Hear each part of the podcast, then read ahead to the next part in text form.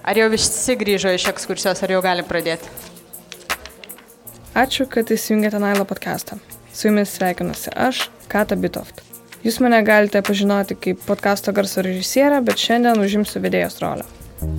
Pristatau Jums specialų epizodą iš Lietuvos nacionalinės dailės galerijos, kur vasario 17 įvyko jau tradicinė konferencija nacionaliniai emancipacijos dienai paminėti. Pirmiausia, labas vakaras visiems. Labai noriu padėkoti, kad jau penktus metus iš eilės susirinkote į Nacionalinę dailės galeriją. Tiems, kurie čia atėjo atsitiktinai arba nežino, kur pateko, pasakysiu, kad jūs e, patekote į diskusiją pokalbį, kuris vadinasi Emancipacijos diskursai nepriklausomoje Lietuvoje - nacionaliniai kanonai ir jų permastymas. Tie, kurie ateina ne pirmą kartą, tai didelis ir nuoširdus ačiū komandos vardu, kad e, domitės kritinę feministinę emancipacinę mintimį Lietuvoje. Na, o jeigu jau taip visai kondensuotai pasakius vienu sakiniu, tai sveikinu visus su nacionalinė emancipacijos diena.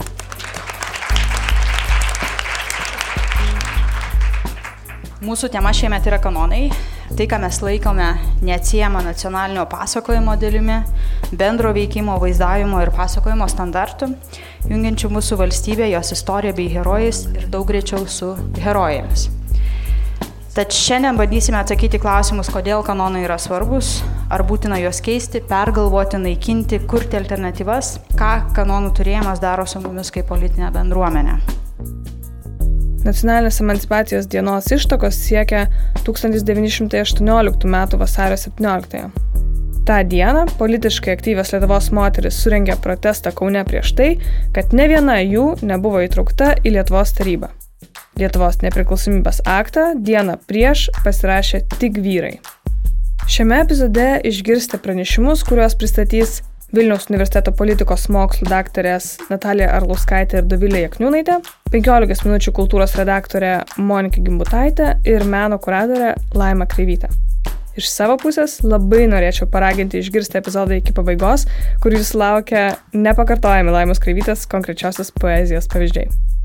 Renginį vedė Juratė Juškaitė, viena iš nacionalinės emancipacijos dienos organizatorių, kuriai ir perteikiu žodį. Gerą klausimą. Jau maždaug dešimtmetį Lietuvoje netilsta kalbos apie nacionalinio epo sukūrimo būtinybę. Kodėl būtent epas, kodėl būtent kine ir kodėl dabar. Savo pranešime bandys mums atsakyti šios klausimus Vilniaus universiteto tarptautinių santykių ir politikos mokslo instituto profesorė. Aš čia tempiu laiką, kad Natalija pasiruoštų. E, Natalija Arlauskaitė. Jos pranešimo pavadinimas yra Nacionalinis kino epas, kam ir kiek jo reikia. Prašau. Sveiki. Nežinau, ar jūs pastebėjote ar ne, bet pakankamai dažnai pasikartoja toks retorinis klausimas viešoje erdvėje, kadangi pas, pas mus bus sukurtas tikras nacionalinis epas ir turime minti, kad jis turėtų būti sukurtas kine toks pasikartojantis refrenas, mes be epo nenurimsim ir jis kartojasi ir kartojasi. Ir šitos kartotės uh, uh, mizansceną paprastai sudaro keli kariškiai salėje arba susiję su, tiesiog žmonės gali dirbti e, kažkokiose padaliniuose, arba tai krašto apsaugos ministerija, arba Lietuvos kariuomenė. Žodžiu, kažkur ten e, antpečiai visą laiką šmėstelė. Ir man atrodo, kad tai verta aptarti atskirai ir pagalvoti visgi, o e, kas turima minty, kai sakoma, kad mums reikia nacionalinio kino epo, kokia vaizduotė už to slypi, į kokius pavyzdžius jinai atsiriamia ir ko mums reikia tikėtis, jeigu jau tas nacionalinis kino epas bus kada nors sukurtas. Ir dabar keli pavyzdžiai e, to, e, kaip atrodo šitie nuogastavimai apie nacionalinio kino epo e, stoką. Pavyzdžiui, štai šitoje salėje, te, va čia kur mes labiau kaip tik ir sėdime, prieš dabar jau kiek gaunasi, mažiau nei metus, bet, bet visgi, vyko kultūros ministerijos organizuojamos tokios diskusijų serijos ir viena iš jų, jos visos vadinasi tarp eilučių, bet viena buvo skirta ta diskusija politikai ir kinui, aš joje taip pat dalyvavau.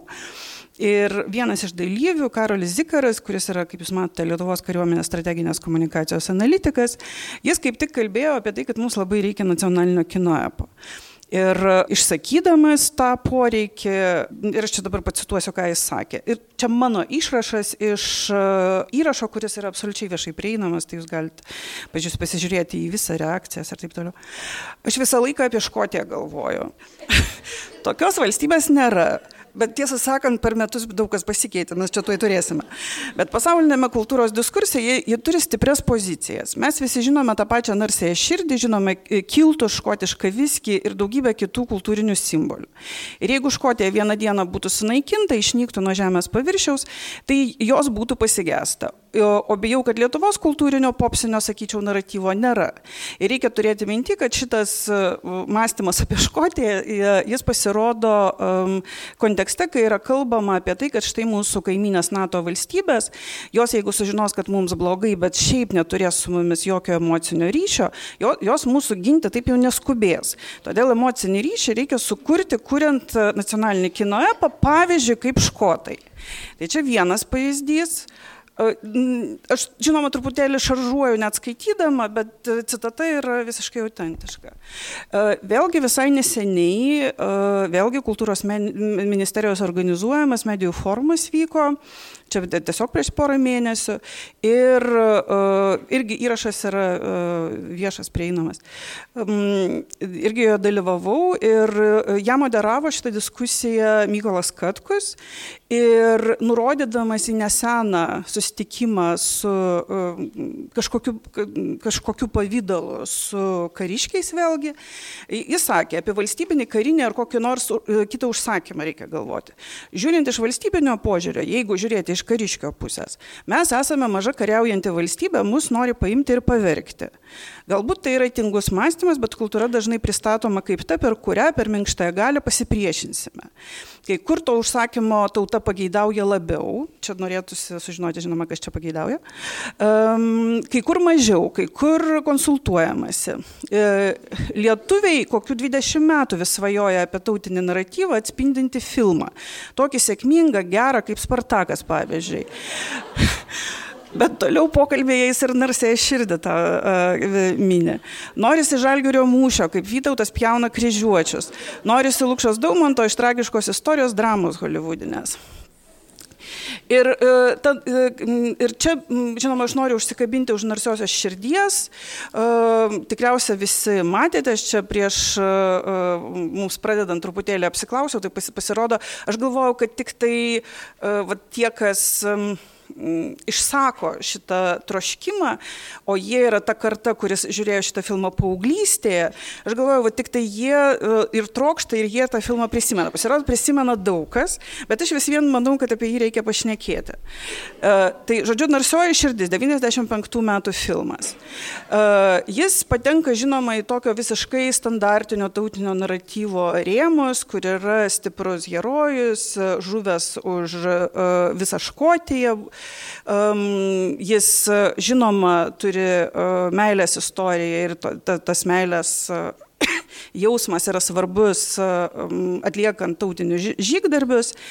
Ir, bet be viso šito, tarsi tokio standartinio pakankamai dalyko, yra pora svarbių aplinkybių. Jeigu jūs paskaitysite straipsnius, akademinius straipsnius apie Narsėją širdį, yra du kontekstai, kuriuose šitas filmas e, yra dabar labai svarbus. Nu, ne, ne, ne labai svarbus, bet apie jį kalbama. Vienas iš e, tų kontekstų yra kino turizmas. Um, ir čia noriu priminti, kad tai yra holivudinis filmas, ne, uh, ne škotų, kurios nėra uh, valstybės kūrinys. Holivudinis filmas, kuris tampa uh, škotiško kino turizmo svarbiu atspirties tašku, kaip tarkime mūsų atveju uh, vėlgi HBO Černobilis tampa labai svarbiu atspirties ir uh, netgi pajamų šaltinių. Mes dabar pardavinėsime save pakankamai ilgai, kaip tokį parą Černobylį Fabioniškėse. Tai e, čia yra vienas kontekstas, taigi tokia paveldo gamyba ir kino turizmas.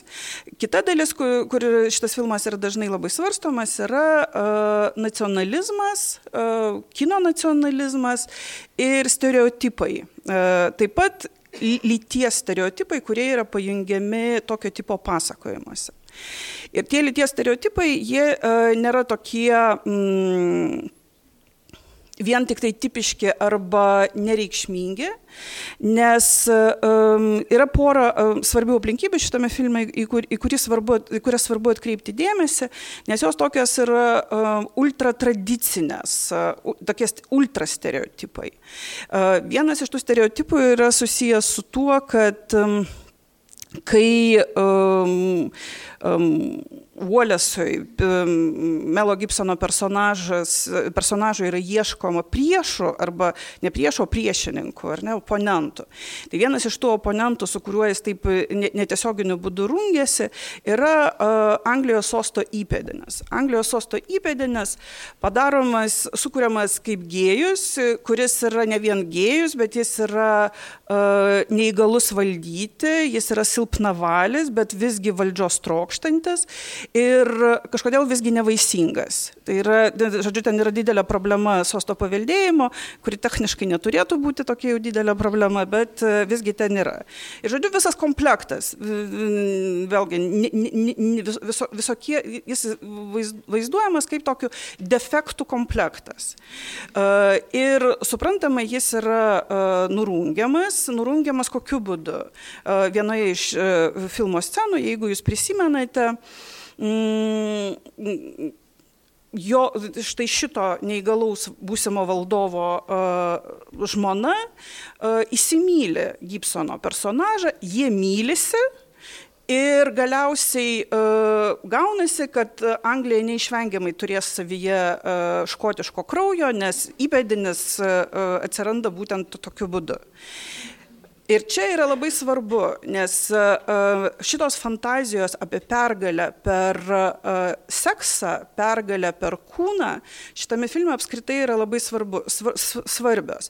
Ir tai toks, galima netgi kalbėti, kad tai toks genitalinis nacionalizmas, kuris šitame filme yra kuriamas.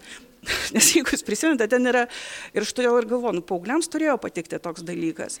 E, ten jeigu, e, kaip kaunasi e, škotai. Škotai pirma kelnes visi nusijima priekiu e, į, varžovus, e, į savo oponentus anglus, o tada jie pasisuka nugarą ir dar kartą tas kelnes nusijima ir jau dabar užpakalį savo rodo. Ir visiems smagu, viskas faina ir tokiu būdu jie morališkai pažemina uh, savo oponentus. Ir ten daug dar tokių visokių dalykų, bet filmas prasideda, vėlgi, jeigu aš kalbu apie tai, kad tai toks savotiškas genitalinis nacionalizmas, tiesą sakant, kalbu apie tai pakankamai rimtai. Nes ten visą siužetą užveda uh, niekada neegzistavęs Anglijoje įstatymas. Uh, įstatymas, pagal kurį uh, pirmosios nakties įstatymas, maždaug uh, kovodami su kylančiu uh, škotų nacionalizmu, su jų siekiu turėti savo valstybę, Anglija įveda pirmosios nakties įstatymą. Nu, ir štai dabar uh, iš esmės tokiu būdu legalizuodama uh, prievartą arba išžaginimą, ar ne? Uh, Ir, tai, ir iš esmės e, nenorėdamas, kad jo mylimąją e, ištiktų toks pat likimas, kai jie ves, Gibsonas organizuoja slaptas, e, slaptą santoką ir tokiu būdu niekas nežino, kad jie vedė, apeina jie tą įstatymą. Bet galiausiai viskas baigėsi labai blogai. Ir štai e, visa šita istorija, kuri paskui baigėsi mylėjimuose su uh, Sophie Marso ir uh, Anglijos palikuoniu, jinai visą laiką brėžiama per uh, tiesiogiai per kūną, per e, seksą, per lytį. Ir e, jeigu mes galvojame apie tai, pavyzdžiui, kokio, kokia fantazija čia visą laiką realizuojama šitame filme, be to standartinio kovos e, vienas už visą tautą, tai čia mes turime tokį pasakojimą arba uh, fantaziją apie žvangantį ginklais penį, kuris atstovės už visus mus.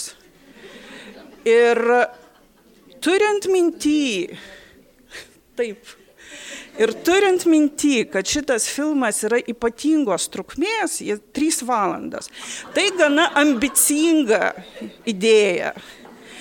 Tai štai, kada uh, mes susidurėme su idėja, kad mums labai reikia nacionalinio epo,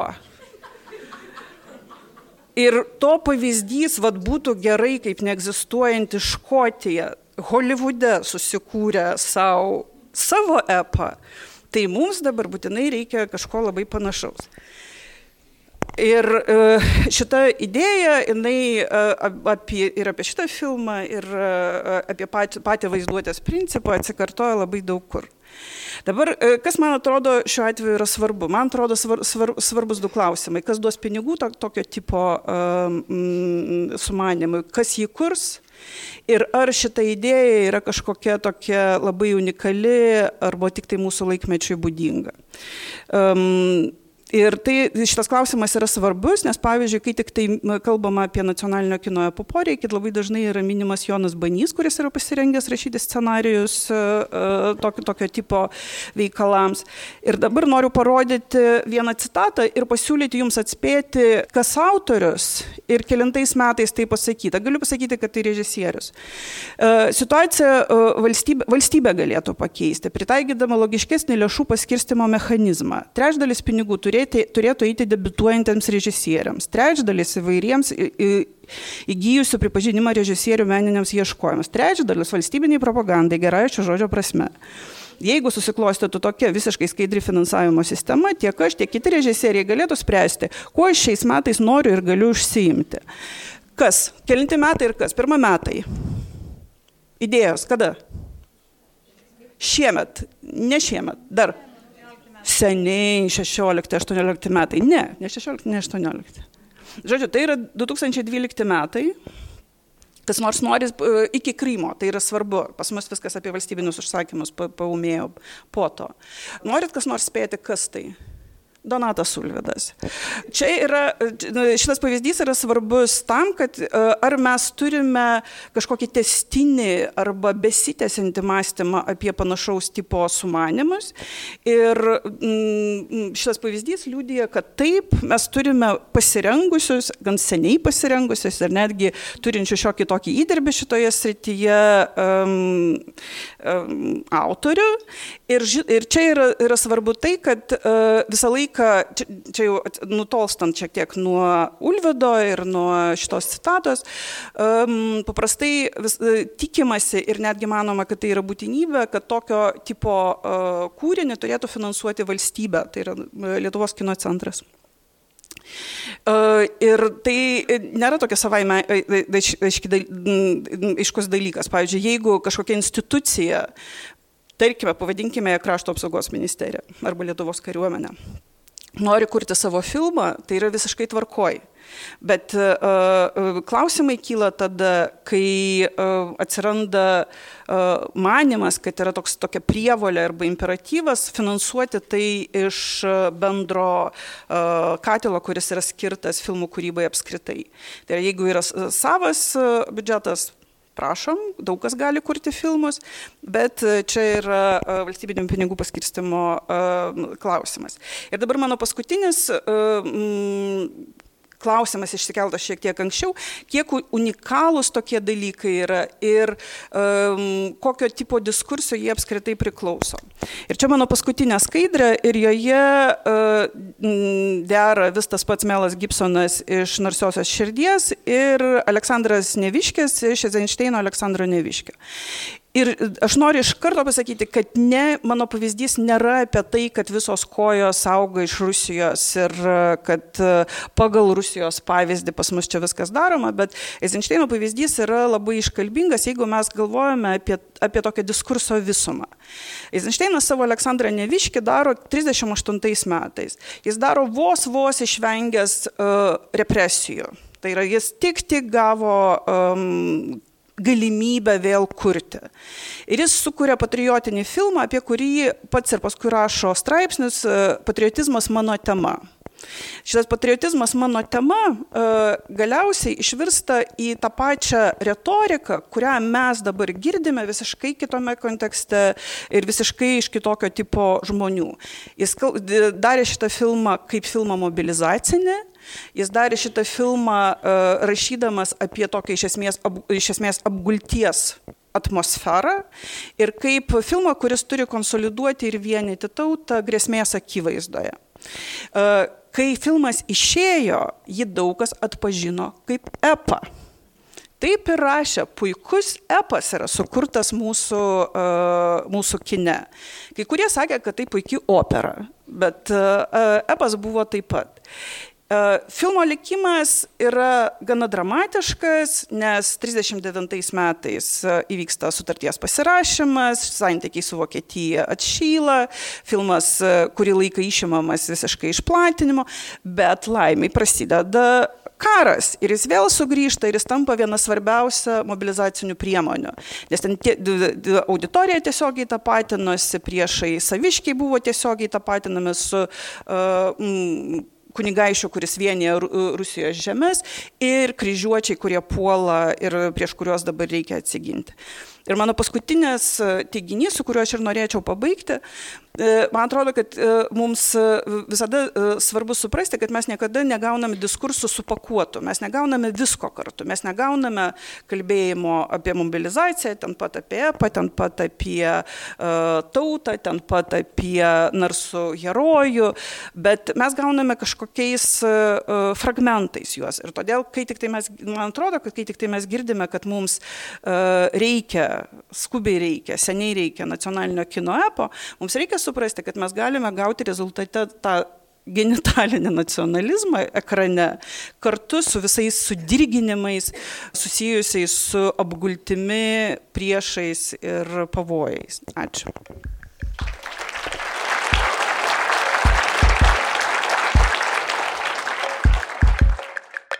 Tai kol auditorija yra neteko žado, aš noriu pristatyti kitą mūsų pranešėją, kurios įžanginis toks pristatymas skambėtų taip. Po naujojo prezidento prisaigdinimo į Lietuvos politinį gyvenimą sugrįžo pirmoji ponia.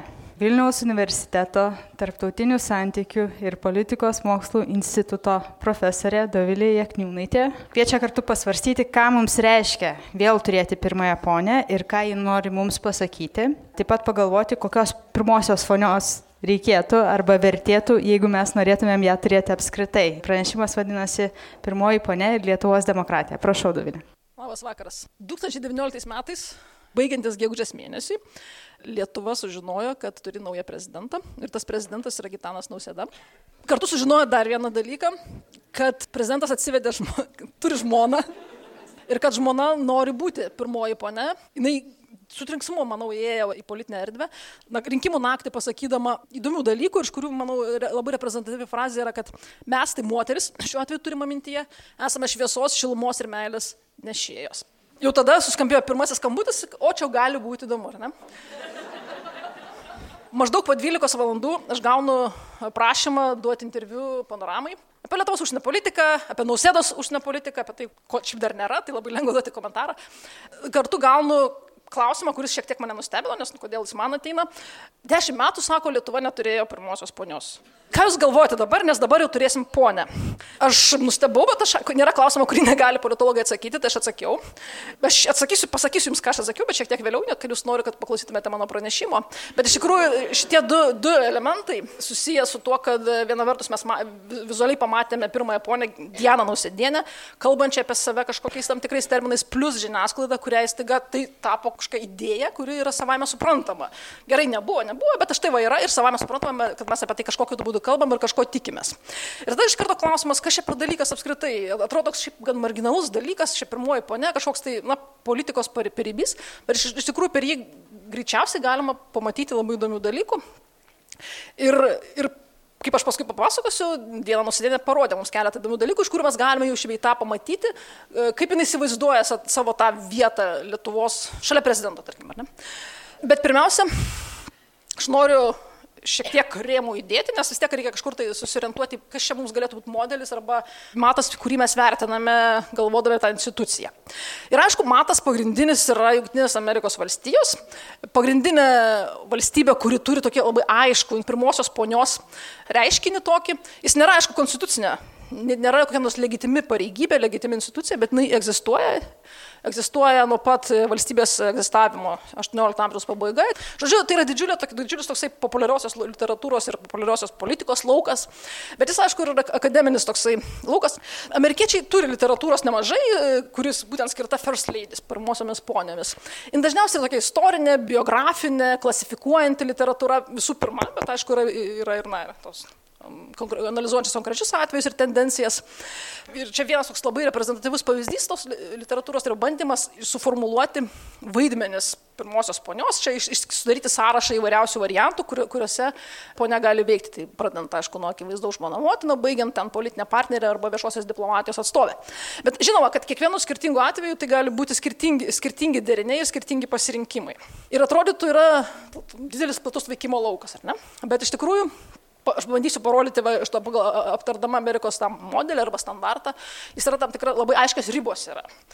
Pasakysiu kelias savokas, per kurias labai aiškiai pasimato, kuria prasme tai yra tos ribos. Tai viena, viena čia net akivaizdžiai, kai pasižiūrim tokį sąrašą, matosi labai aiškus dalykas, bet ir surašiau specialiai, kad jeigu nebūtų aišku, pozicija visiškai yra įlytinta. Ir mes jau kilintą kartą kalbame tą įlytinimą, tai čia visiškai aiškiai. E, teoriškai gali būti pirmasis ponas ir kažkokiam pasaulio krašte jie egzistuoja, bet iš principo, kai mes kalbame apie pirmąjį poną, mums vizijų daug nesimato, ar ne? Bet kai mes kalbam apie pirmąją ponę, mes labai aiškiai turime supratimą. Ir tas yra, matome moterį. Ir Amerikos kontekste tai ne tik tai moteris, žmona ir motina, bet labai dažnai yra baltoji, ar ne? Nors yra išimtis Mišelė, bet šiaip tai baltoji, heteroseksuali moteris iš vidutinės arba šiek tiek aukštesnės klasės. Toksai labai aiškus dominuojantis tradicinis moteriškumas, kuri turi visas reikalingas savybės kažkokias. Tai. Kita dalis, galvojant apie šiek tiek apie prezidento instituciją ir jos vaidmenį Amerikos politikoje, yra tokia savoka kaip retoriškoji prezidentūra. Arba tai savoka, kuri nori apibūdinti prezidento vaidmens kitimą per 20 amžių, nu, per 19-20 amžių.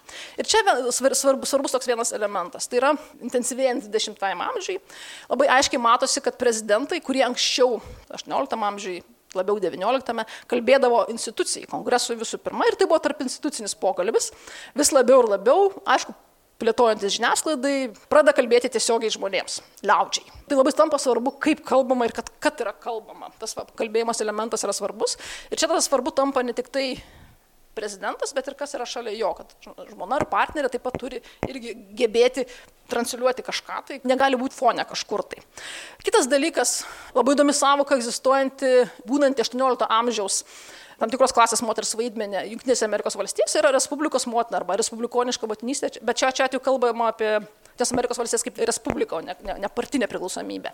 Ir ta savoka labai įdomi tuo, kad jinai e, tarsi pirmą kartą bandė pozityviai formuluoti moters vaidmenį, moters darbą. O moters darbas, besiformuojančioje Junktinėse valstijose 18 amžiaus pabaigoje, nepriklausomybės kovų kontekste, buvo vienas labai svarbus, bet to, kad jinai buvo motina, vaikų augintoja, globėja, prižiūrėtoja, jinai kartu buvo ir pilietiškumo augdytoja. Jin turėjo bent jau tokia būti. Buvo suformuotas toks idealas, kur moteris dėl to, kad jinai jau pamažu tapo išsilavinusi, turėjo prisidėti labai sąmoningai prie patriotinio vaikų, savo vaikų ūkdymo ir šiek tiek ir palaikyti iš principo irgi vyrą šioje, šioje kovoje. Bet aišku, tai buvo konkrečios, aišku, vėlgi konkrečios rasės, konkrečios klasės, konkrečios klasės motiniškumo idealas.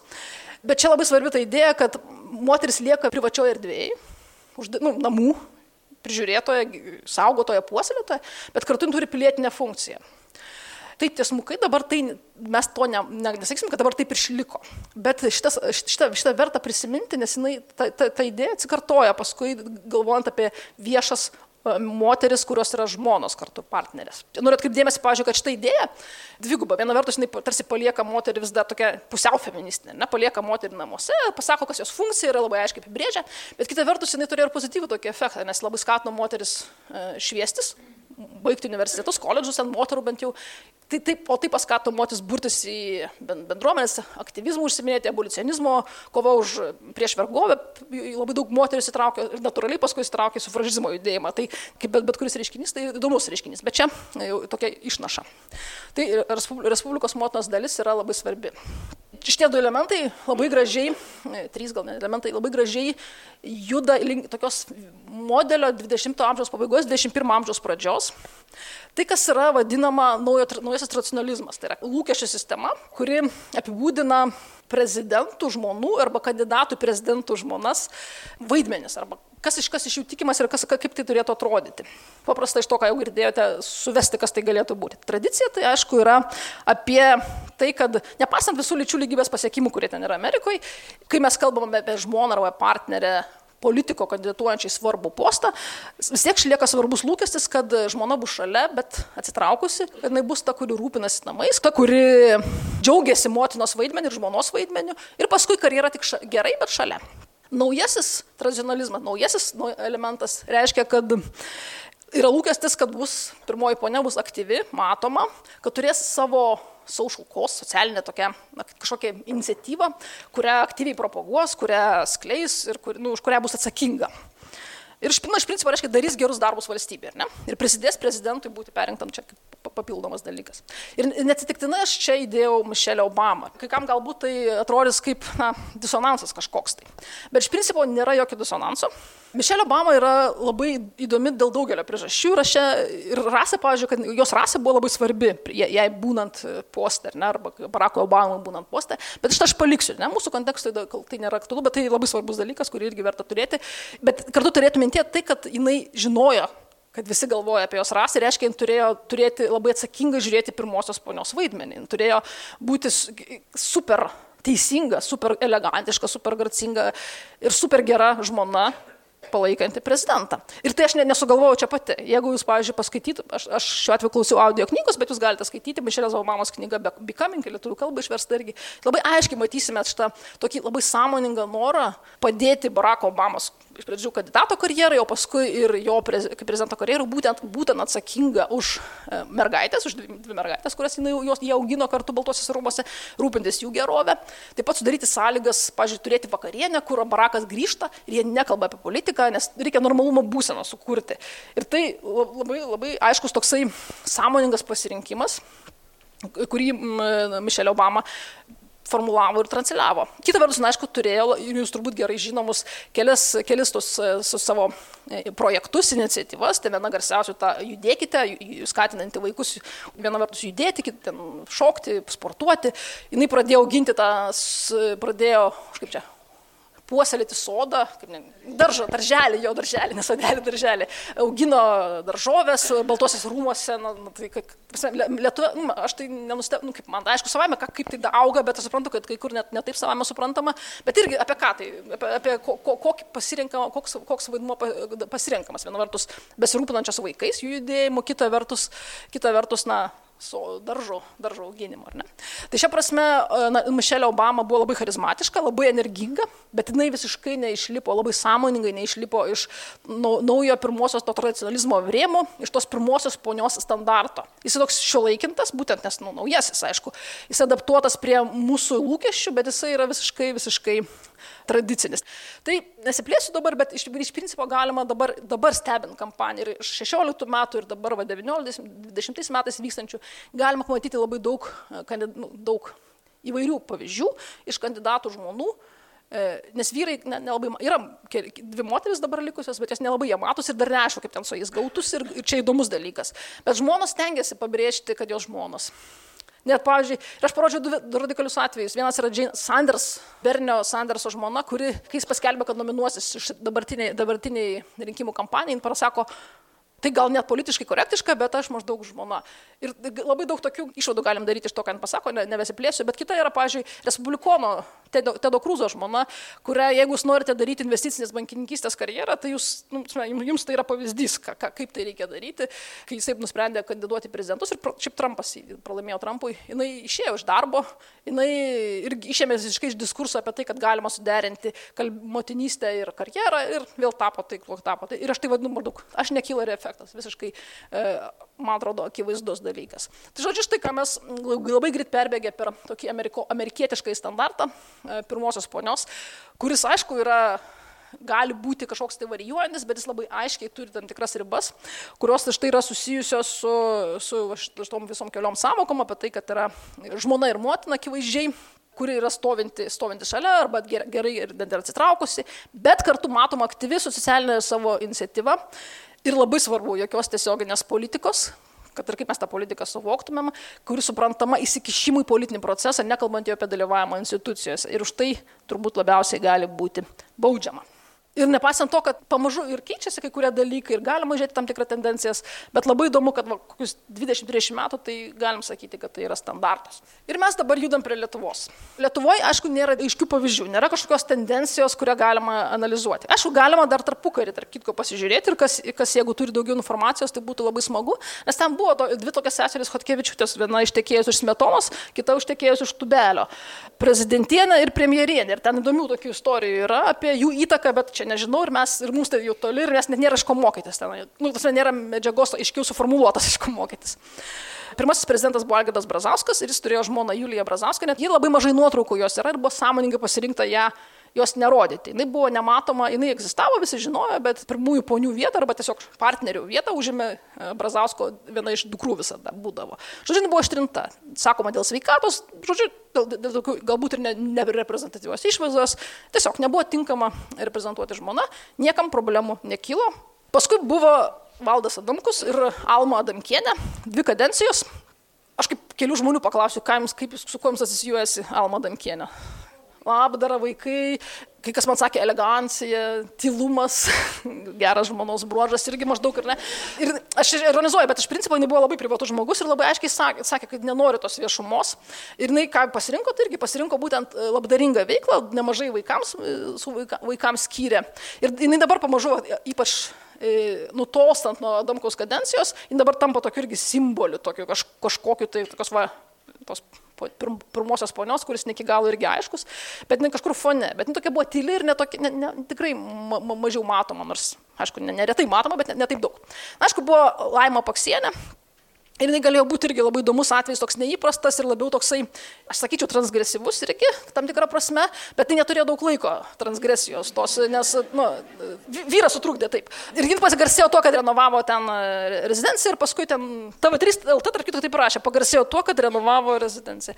Bet iš tikrųjų, nu, nedaugiau nespėjo, bet labai įdomu taip, pavyzdžiui, kai jos paklausė, kokia programa jūsų bus, iš karto suformulavo, nežinau, iš karto, bet suformulavo, kad labai progresyviai. Vaikai, nu čia neprogresyvų, ne gamta sakė, gamta rūpinasi rūpinsiuosi 2002 metai.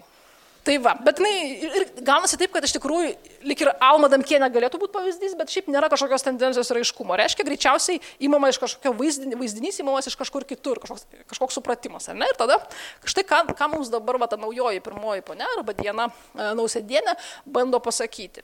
Ir labai tas įdomus dalykas yra tai, kad pirmi šitie pusę metų labai akivaizdžiai yra nereflektuotas suvokimas apie tai, jis tiesiog instinktyvus, maždaug aš įsivaizduoju, ką aš turėčiau atsakyti ir daryti ir aš tai darau. Ir čia prasme e, labai dėkingas analizai laikotarpis, nes nėra konstrukto, nėra, nėra mums kažkokio tai, kurį reikia iššifruoti, kažkurio kažką tai interpretuoti. Tiesa, jį reikia interpretuoti, bet jis yra toksai labai nu, nuoširdus, man atrodo, kalbėjimas. Ir dėl to mes turime tą naktinį, naktinį interviu, kuriame kalbama apie tai, kad mus kaip moteris jungia sakrali, sakralus dalykas, šviesa, šiluma ir meilė, kurią mes nešame tiek vyrams ir vaikams, aišku. Ir čia stipru, bet įdomu, tas stiprumo diskursas irgi yra, ne, mes stiprios, mes, bet mes turime išlikti moteriškos ir turime išlikti švelnios, nes mes dovanojame meilę ir gyvybę. Graži tokia citata, jos tokios tiesmukos paskui nebe, nebesikartojo, bet jinai, manau, lydi, e, lydi dabar iki, iki išjot pirmo ponę. Tas buvo pirmasis toks ryškus epizodas. Paskui tų epizodų buvo ir gerokai daugiau. Liepo, Liepos mėnesį prezidentūros e, komunikacijos grupė paklausta, kuo ponia užsim, pirmoji ponia užsims dieną nausėdienė, buvo pasakyta, jinai, jinai jos veikloje žmogus ir tylioji Lietuva. Toks patronizuojantis šiek tiek kalbėjimas, ar ne, toks nelabai aiškus kol kas dar. Paskui jinai suorganizuoja konferenciją apie žmogaus orumą, keista ta konferencija, kuri labai sąmoningai bando atsitolti nuo žmogaus teisų diskurso, ar ne. E, pati, pati diena nusėdėnė savo kalboje, na, na aišku, turbūt neišvengiamai jinai parašyta, bet jinai parašyta irgi kaip ją, ir ne. Maždaug, ir aš tiesiog pacituosiu jos retoriką, kuri tokia irgi labai tokia e, humanizmų tokiu bendruoju labai atsiduodant, ir ne. Savižudybių procentas, patyčių aukų skaičiai, socialinė atskirtis aiškiai rodo, kad visuomenė dvasinių etinių lygmenių kraujuoja. Šiandien visi jaučiame ir kartais identifikuojame aštrų skausmingą sielos skausmą, dvasinį alkį. Aš tiesiog cituoju būtent jos kalbėjimo manierą, kurią, na, nu, aš nemanau, kad jūs klausotės jos dažnai. Aš tai nenoriu, kad tai būtų jokinga, nes tai nejokinga. E, taip. Toliau yra dar vėliau šiek tiek, yra spalio pabaigoje prieš pat vėlinės yra akcija Renkuosi gyvybę. Paprastai tariant, tai akcija, kurie kritikuojame abortą. Ir jinai tenai uždega žvakutę ir irgi pakalba apie tai, kad mes turime ieškoti žmonių ir padėti jiems ir žmonės yra gerumo planeta, kurioje galima rasti atsvarą ir panašiai. Ir panašiai. Tiesiogiai kažko tai, e, bent jau tose citatuose, kur aš esu radau, kažkas tenai apie tą gyvybę ir kodėl pasirinko, nėra, e, nėra pasakoma, bet pats faktas labai ryškus ir labai na, sukėlė tokių reakcijų reakcijų ir, ir kritikos ir komentarų. Bet dar įdomesnis buvo paskui interviu Delfija, ir kurį aš dar keletą citatų vėliau dar parodysiu, kuris, kuris daug sustatė nežinomųjų, kuri reflektavo ir savo kaip pirmosios ponios vaidmenį ir kartu nemažai buvo paklausta, labai primiktinai paklausta ir apie tai, kaip jinai galvoja apie moterų teisės ir reprodukcinės teisės. Paskui buvo du LRT LT interviu, kurie dėl to, kad buvo Delfi LT interviu labai toksai atviras ir nuoširdus, dar kartą pakartosiu tą žodį, jie, tie LRT interviu tokie buvo labai tokie apie nieką iš tikrųjų, kalėdiniai ir taip toliau. Tai jie neto, netokie įdomus, bet irgi verti, verti paskaityti, kad na, tą retoriką pagauti. Tai ką, ką dabar aš, aš bent jau mes galime pamatyti iš to, ką mes girdime ir, ir matome. Ir pirmiausia, aišku, mes matome palaikančią žmoną ir besirūpinančią žmoną tradicinę žmoną, moteris, kuris yra dominuojančio vyro, kuris kalba apie save mes, tai, tai, tai tas įdomu, ar ne? Kartu yra labai aiškus yra suvokimas ir apie savo poziciją, ar ne? Apie tai, kad aš esu ponia, pirmoji ponia. Ir čia, čia, aišku, pakiša koja tas žodžio vartojimas, bet čia neišvengiamai galiu suprasti, kad tas poniškumas kartu galim traktuoti kaip tiesiog apibūdinimą pozicijos, bet kartu ir tam tikrą status, savo statuso suvokimą. Tai yra, kad aš rūpinuosi kažkuo tai, kas yra va ne ponai, ar ne, tie mažutėliai kažkokie tai, kurie negali kalbėtis ir aš dabar mobilizuosiu juos, nes aš turiu tą teisę, nežinau, kodėl jinai turi tą teisę mobilizuoti juos, bet, bet, bet, ne, bet labai svarbus įsivaizdavimas, ar ne? Ir jinai pasinaudos, ir prisiminus tą žodį tylioji Lietuva, kurią mėgsta irgi kartoti tiek prezidentas, tiek, tiek jo žmona, mobilizuos tą tylę Lietuvą, kurie už save negali pašnekėti ir mes dabar už juos pašnekėsime. Ar ne? Tas labai įdomus, labai įdomus irgi pasirinkimas, irgi labai instinktyvus ir labai daug išduodantis, ar ne, apie tai, kaip suvokia, suvokia save ir savo poziciją.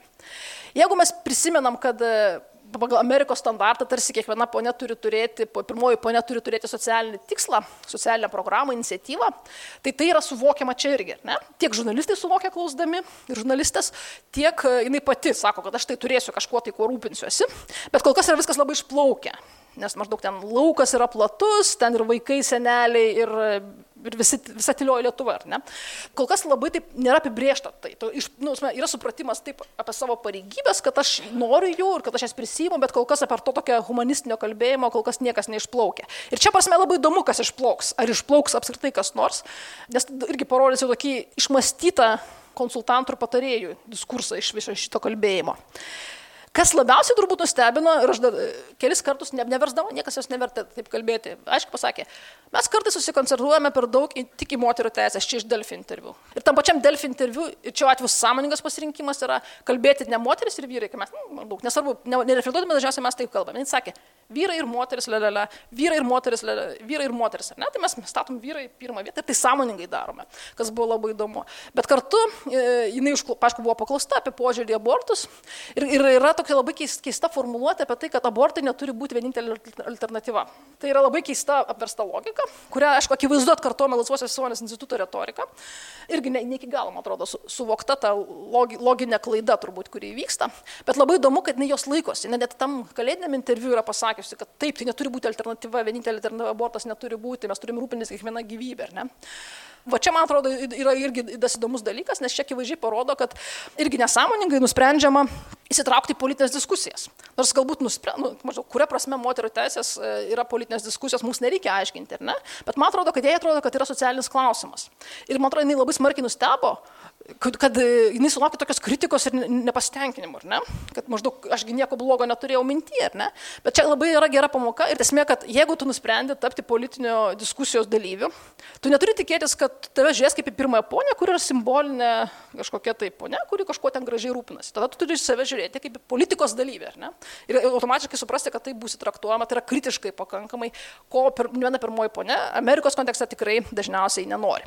Ir kitas dalykas, kurį aš noriu atkreipti dėmesį, kuris galbūt jis sumažės, bet pirmaisiais mėnesiais tai buvo labai nuostabai reiškėsi, gerai, po, ponai, ar ne? Bet čia buvo toks noras būti aristokratu, ar ne? Reprezentuoti ne tik tai valstybę kaip institu, prezidento instituciją, bet kartu nori reprezentuoti kaip, valst, kaip būti kaip valstybės galva tiesioginė to žodžio prasme. Toksai labai aiškus noras įkūnyti valstybę per save. 19 amžiaus valstybės arba ankstesnės valstybės supratimas, ne? ne tik, kad institucija, kuri kažkas veikia, bet mes čia esam. Ir būtent pora, tai labai svarbu, svarbi dalis. Nežinau, čia galbūt sutapo gerai, čia Japonijos imperatoriaus vizitas, čia popiežius ir taip toliau, tai tokios irgi labai greitai čia prabėgo, pas karalienę nuvažiavo. Žodžiu, labai tokie, labai akivaizdžiai noras būti karališka pora demokratinėje valstybėje, kurioje renkamas prezidentas, ar ne? Tai klausimas, ar ne? Mes tada turime va, štai, tokį, e, e, štai tokį labai neaišku kol kas, bet kartu ir aišku supratimą apie tai, kokį mums vaizdinį formuoja apie save pirmoji ponė. Ir tada klausimas, ar tokios mums reikia ir kokios čia galėtų reikėti, ar ne? Ir aš esu grįžtų prie savo atsakymų žurnalistai, kuris taip ir nepasirodė panoramoje, e, kai mane, kuri jinai paklausė, ir aš tiksliai nepasakysiu dabar citatos, bet aš maždaug pasakiau taip. Dešimt metų nebuvo, tai gal nieko blogo, jeigu ir nebūtų buvę daugiau. Bet esmė, aš pasakiau tada irgi, irgi būtent lyg taip pat nefiltruotai kaip ir e, Diena Nausėdėnė, aš pasakiau, man tai atrodo, kad tai yra labai ribotas moters suvokimas, kad tai yra XIX amžiaus aukštuomenės e, pozicija, kurios reikia visiškai atsisakyti. Tai aišku, kad nepasirodė toksai komentaras, e, bet aš, aš tai šiaip tai, šiaip, jeigu taip radikaliai galvojant, aš taip ir manau, kad tai demokratinė valstybė, tai tokia institucija apskritai nereikalinga. Jeigu žmogus dirba savo darbą kaip prezidentas ir gerai, tegul dirba ir viskas. Bet kita vertus gerai, galim pripažinti, kad gerai praktika, nu taip žmonės turi partnerius, vyrus, žmonas, e, tai galima tada sutikti, kad gerai, galim. Bet tada yra, aš manau, vienintelė alternatyva, tai yra įvairovė. Tas banalus žodis, e, matyti kuo skirtingesnius variantus tų visų antrųjų pusių, kad ir antroji pusė, irgi šiaip pailas terminas, partnerysčių visokiausių. Ir čia net nereikia labai dėlės vaizduotės. Mes galim norėti, pažiūrėjau, įsivaizduoti prezidentės vyrą, kuriam suprantama būti, kad jis yra užjaučiantis, mylintis, besirūpinantis ir kuris supranta, kad tai nėra nei vyriška, nei moteriška savoka. Mes galim norėti prezidento žmonos, kuri nepalieka darbo ir sako, taip, karjera man svarbi ir ne. Mes galim norėti prezidento vyro, kuris ne tik myli mažutėlius, bet žino, kas iš tikrųjų yra skurtas, ne? Ir iš tikrųjų žino, kas yra orumo praradimas arba orumo išlaikymas nepritekliaus sąlygomis. Arba prezidentės žmonos, kuris skaitytų pranešimą 10-ojo emancipacijos diskursų konferencijoje, ne? Nereikia daug vaizduotės, kad mes įsivaizduotum tokius būdus, ar ne? Bet tam, aišku, reikia iš tikrųjų esminio labai svarbaus dalyko. Ir man atrodo, mąstymas apie pirmosios ponios vaidmenį iš tikrųjų mus atsuka prie esminio tokio feministinės politikos klausimo, tai yra apie moterų vaidmenį politinėje erdvėje. Tai yra kokie elgesio standartai, kokie modeliai, kokias yra primami ir siekti kuo įvairesnio jo, kuo lygesnio, kuo teisingesnio. Nes tik taip galima, nes tik tokiu, tik tokiu būdu, nekuriant alternatyvių žmonių vaizdinių, bet tik tokiu būdu galima praskėsti ir neutralizuoti tokį dabartinį dominuojantį tradicionalistinį politinį moteriškumą. Viskas. Ačiū.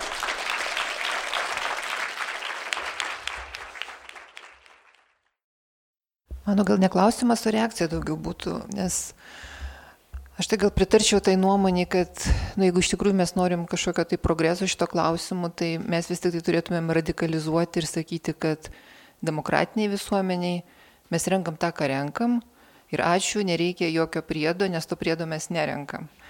Nes antraip tai man taip atrodytų, kad netgi tas kalbėjimas apie paivairinimą tų variantų, vis tiek jisai turi tokį prieskonį, nu man tai tokio feudalizmo, kada tu tarsi demokratiniu būdu renki valstybės pareigūną, kuriam yra nu, deleguotos tam tikros funkcijos, bet kažkokiu tai netikėtų būdu iš, iš, išsirenki tokį nacijos tėvą, kuris ten už parankės atsiveda nacijos motiną, nu ir tada vat, prasideda visa ta retorika. Tai, tai mano labai griežtas tikinimas, kad renkam tą, ką renkam, ir, o su toktiniai daro tai, ką jie daro.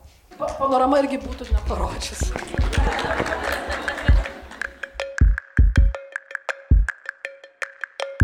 Monika Gimbutaitė, kuri yra portalo 15 minučių.lt kultūros skirtlės redaktorė. Jos pranešimas iš principo savo pavadinimu suponuoja pagrindinį na, pranešimo klausimą, kokią nacionalizmo temperatūrą rodo besikeičiantis vyčio simbolio vartojimas. Prašau, Monika. Labas vakaras. Tai pranešimo klausimą jau girdėjot ir uh, ši tema man pasirodė įdomi dėl labai paprastos priežasties. Dėl to, kad Vytis, valstybės simbolis, uh, visą savo gyvavimo laikotarpį įprastai buvo naudojamas dviem režimais. Jis veikia oficialioje valstybinėje reprezentacijoje ir politiniuose ritualuose, arba kai kuriais istoriniais etapais buvo naudojamas kaip rezistencijos ženklas. Tačiau šiandien uh, atsiranda naujų vyčio raiškos formų, kurios nebepatenka į nei vieną iš šių kategorijų. Nuo simbolio komercializacijos ir perkelimo į asmeninę erdvę iki vyčio pavirtimo politinių įrankių ar simbolio kūrybinio permastymo. Taigi šio pranešimu aš ir sėkiu pažvelgti į besikeičiantį vyčio simbolio vartojimą ir draugai iškelti klausimą, koks yra jo santykis su nacionalizmo temperatūra šalyje. Ir prieš supažindinant su, ke, su keliomis konkrečiamis uh, vyčio vartojimo praiškomis šiandien, tikriausiai visų pirma reikėtų apsibriežti, kasgi yra ta nacionalizmo temperatūra. Ir čia reiktų atsispirti nuo uh, Michaelo Biligo ir jo banaliojo nacionalizmo teorijos. Bilgas nacionalizmą siūlė pažvelgti kaip į centro ir periferijos problemą. Anot jo nacionalizmas įprastai yra suprantamas kaip tiek geografiškai, tiek emociškai nuo mūsų nutolęs reiškinys. E, sėdami nacionalizmą su separatistiniais, ekstremistiniais, fanatiškais ar geografiškai nuo vakarų pasaulio nutolusiais judėjimais, mes įsivaizduojame, kad nacionalizmas kaip reiškinys nebeturi nieko bendro su mumis ir mūsų civilizuotais ar kai kurių akimi žiūrint galbūt net ir reikalingais tautinio tapatumo jausmais. Nesutikdamas e, su tokiu selektyviu e, termino taikymu, Biligas pasiūlė jų perskirą. Tai karštai nacionalizmą ir banalų į nacionalizmą. Karštasis nacionalizmas yra aktyvios nacionalizmo apraiškos bandant išsikovoti nepriklausomybę, kai tuo tarpu banalusis nacionalizmas gali būti apibrėžiamas kaip nepriklausomoje, suverenioje, pripažintoje valstybėje atsirandančios kasdienės ir beveik nepastebimos nacionalizmo apraiškos. Anot Biligo, e, banalusis nacionalizmas kuria įpročio gamybą. Tai yra, kuria įspūdį, jog e, rutina tampantis simboliai ir ritualai yra nepakeičiami ir nekvestionuotini, o drauge e, konstruoja ir išimtinai pozityvų tautinį identitetą, kurio kūrimui, kaip jau dažnai susidurėme, prireikia ir to kito, tai yra priešo, kurio portretą taip pat reikia sukurti. Praėjus keliams dešimtmečiams Michaelas Ski tokią banalio ir karštojo nacionalizmų struktūrą siūlė papildyti šylančio ir šalančio nacionalizmų savokomis, grįžtant į teiginį, jog nacionalizmas nepriklausomoje valstybėje iš banaliojo vėl gali tapti karštuoju ir atvirkščiai. Tokiam nacionalizmo temperatūros matavimui ir pačiai terminologijai pritarė ir pats Biligas, teikdamas, jog tokiu atveju yra išvengiama klaidos vieną istorijos laikotarpį apibrėžti per vieną nacionalizmo temperatūrą, nes, cituoju, šylantis ir šalantis nacionalizmai gali rastis tuo pat metu toje pačioje vietoje. Taigi grįžtant prie lietuviškojo konteksto ir vyčių, e, žiniasklaidoje ir viešojoje erdvėje vyčio išpopuliarėjimo pradininkų 21-ame amžiuje yra laikomas lenktynininkas Benediktas Vanagas. Jis 2013 metais dalyvavo Dakaro lenktynėse, kur pirmą kartą ant savo automobilio uh, turėjo vyčio lipduką. Ir už šią iniciatyvą, kuri šiandien ir toliau tęsiasi ir įgauna ir naujas formas, Vanagas yra sulaukęs politinių veikėjų bei institucijų pripažinimo, o taip pat ir finansinės paramos iš valstybinių šaltinių. Anot Vanago Vytis e, šį simbolį esą nepelnytai užmiršusiai lietuvių tautai, e, kuri nėra apsibrėžusi savo tapatybės, padeda atskleisti jos vidinės galės ir krypti. Keletą citatų jūs matote ir ekrane. Ir atsispirant nuo Vanago iniciatyvos, o kai kuriais atvejais ir tiesiogiai atsispirant nuo jo retorikos, simbolio vartojimas šiandienos Lietuvoje buvo perkeltas į naujas sferas. Ir viena iš jų yra vyčio komercializacija, jos aptarimą e, tikslinga pradėti nuo su tuo pačiu Benediktų Vanagu susijusio projekto. Tai internetinės parduotuvės Proud.lt. Joje galima įsigyti tiek su tuo pačiu Benediktų Vanagu susijusios simbolikos, e, tiek produkcijos susijusios su nacionalinė simbolika ir visų pirma vyčiais. Internetinė parduotuvė save įvardyje Vyčio ambasadoriais ir teigia norėjusi suteikti galimybę Vyčiais pasipuošti, cituoju, kiekvienam Vyčio geno nešiotojui. Panašia retorika kliaujasi ir į dizaino sferą perkelintis, um, vyti perkelintis verslas ir kaip pavyzdį galima paminėti prekė ženklą LT Identity. Jo autorės teigia ieškojusios naujai interpretuotinų tapatybės ženklų, kurie leistų formuoti, cituoju, pozityvų lietuvių požiūrį į save. Taigi abiem atvejais mes akivaizdžiai susidurėme su tuo, ką įvardijo Biligas, tai yra su šimtinai pozityviu tautinio identiteto konstravimu, tačiau čia taip pat būtų galima atkreipti dėmesį ir tai, jog tos pozityvios vyčio charakteristikos uh, yra praktiškai nedetalizuojamos ir laikomos savaime suprantamomis. Ir uh, Tai taip pat galbūt liudija ir faktas, kokius pavadinimus pasirenka patys komerciniai dariniai. Proudal tai pavadinimas apeliuoja pasididžiavimą savo tautą ir valstybę. LT Identity nacionalinė simbolika apskritai sutapatina su nacionalinė tapatybė. Tokia strategija leidžia pozicionuoti savo produkciją kaip vienareikšmiškai pozityvę ar net reikalingą, tačiau taip pat nurodo ir į vartotojo priklausimą mums ir mūsų identitetui. E, Vyčio, uh, Vytis šiandienos Lietuvoje yra ne tik komercializuojamas, e, bet taip pat patenka ir į politinį lauką ir tampa politinio kapitalo kūrimo įrankiu. Uh, tiek pavieniams asmenims, tiek platesnėms visuomenės grupėms ir tikriausiai ryškiausiais to pavyzdžiais tampa Vyčio įpaminklinimo atvejai Vilniuje bei Kaune. Vyčio paramos fondo ir jo palaikytojų pozicija, pristatant siūlymą Lukiškai aikštėje uh, įgyvendinti uh, Vyčio skulptūrą, neretai ir yra formuojama per negatyvų kito portretą. Ir formuojant opoziciją kitaminčiams, kai kuriais atvejais visi, kurie nepritarė Vyčio skulptūrai, yra įvardėmi Kremliaus pakalikais arba valstybės priešais. Vyčia kaip savaime suprantamo, reikalingo, nekvestionuotino ir apskritai alternatyvų neturinčio simbolio retorika yra perkeliama į politinį lauką ir tikriausiai tai akivaizdžiausiai liudija ta priešprieša, e, kurie atsiranda tada, kai kultūros ministerijos ir šio laikinio meno centro organizuotame e, Lukiškė aikštės memorialo konkurse nugali projektas, kuris pasiūlo ne tik kitokią simboliką, bet ir kitokį istorinį pasakojimą. Jei Vytis nurodo į stiprią, galingą LDK laikus menančią valstybę, tai partizanų bunkeris savo raišką primenantis konkurso nugalėtojas, Andriaus Labašausko laisvės kalbos projektas, mums kalba apie sudėtingą ir netikčių pilną 20-ojo amžiaus istoriją. Kartu taip pat reikėtų pabrėžti, jog nors Vyčio paramos fondas ir jo palaikytojai save laiko um, demokratijos šaukliais ir tautos balso įgarsintojais, jie savo viršenybę prieš oponentus uh, dažnai siekia įrodyti ieškodami politinio užnukario, konkurso sprendimą skusdami teismui bei ieškodami kitų institucinių svertų.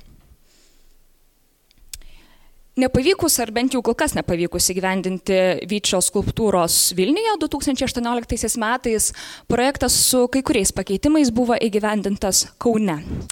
Ir šiuo atveju galima kelti daug klausimų nuo heraldinio objekto pavertimo trimačiu iki nacionalinio simbolio įasmeninimo, nes anot paminklo autoriaus jam buvo suteiktas Romo Kalantos veidas.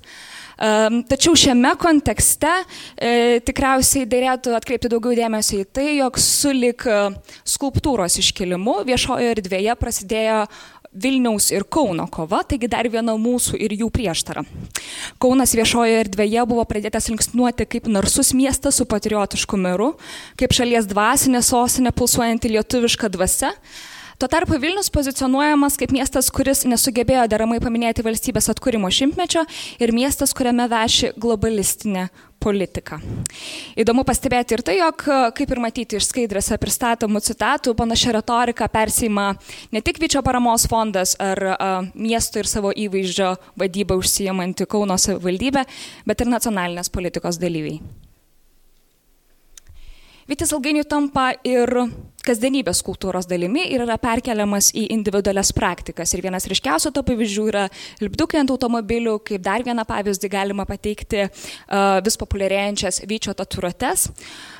Vienas iš skirtinesnių pavyzdžių yra vienos Vilnietės sprendimas Lietuvos šimtmečio proga savo bėgimo maršrutą po miesto gatvę sudėlioti taip, kad to bėgimo trajektorija atkartotų vyčio simbolio kontūrus. Vyčio naudojimas asmeninėje erdvėje akivaizdžiai rodo individualų pasirinkimą nurodyti savo ryšį su simboliu, e, su į tą simbolį projektuojamomis vertybėmis ir e, pačia bendruomenė. Tačiau taip pat reikėtų atkreipti dėmesį ir į tai, kad perkeliant Vytį kasdienybės kultūrą neretai yra minimas tas pats Benediktas Vanagas. Čia jis tampa autoriteto figūra, kuri gali paskatinti naudoti e, simbolį savo asmeninėje kasdienėje erdvėje. Taigi net mestina tikimybė, jog naudojant Vytį kasdienę kasdienėse praktikose ir kuriant savo kaip šalies patrioto įvaizdį, kai kuriais atvejais siekiama ir tapatintis su garsiu sportininku bei populiariu visuomenės veikėju.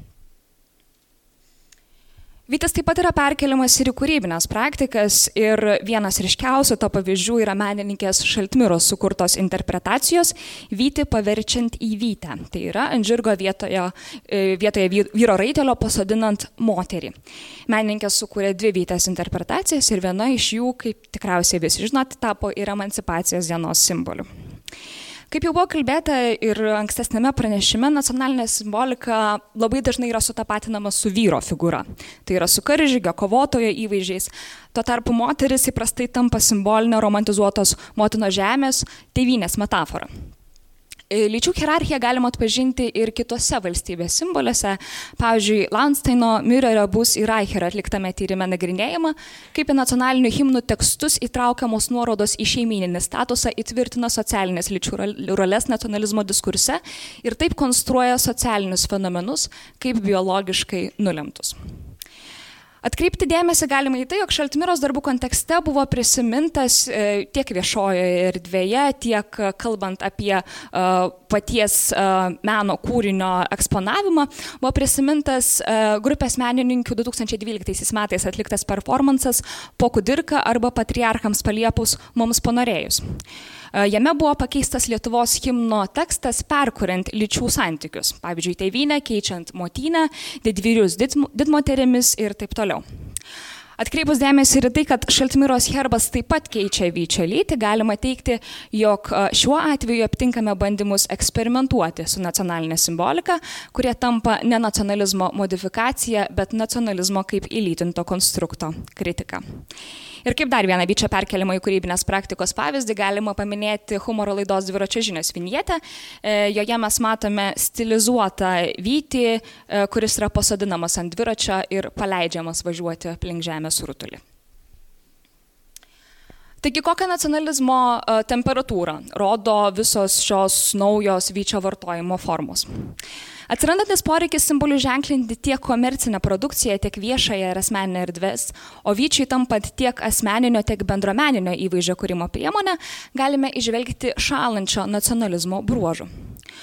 Rutiniškas simbolio reprodukavimas konstruoja tai, ką Biligas įvardyja įsivaizduojamų nacionalinio solidarumo jausmu.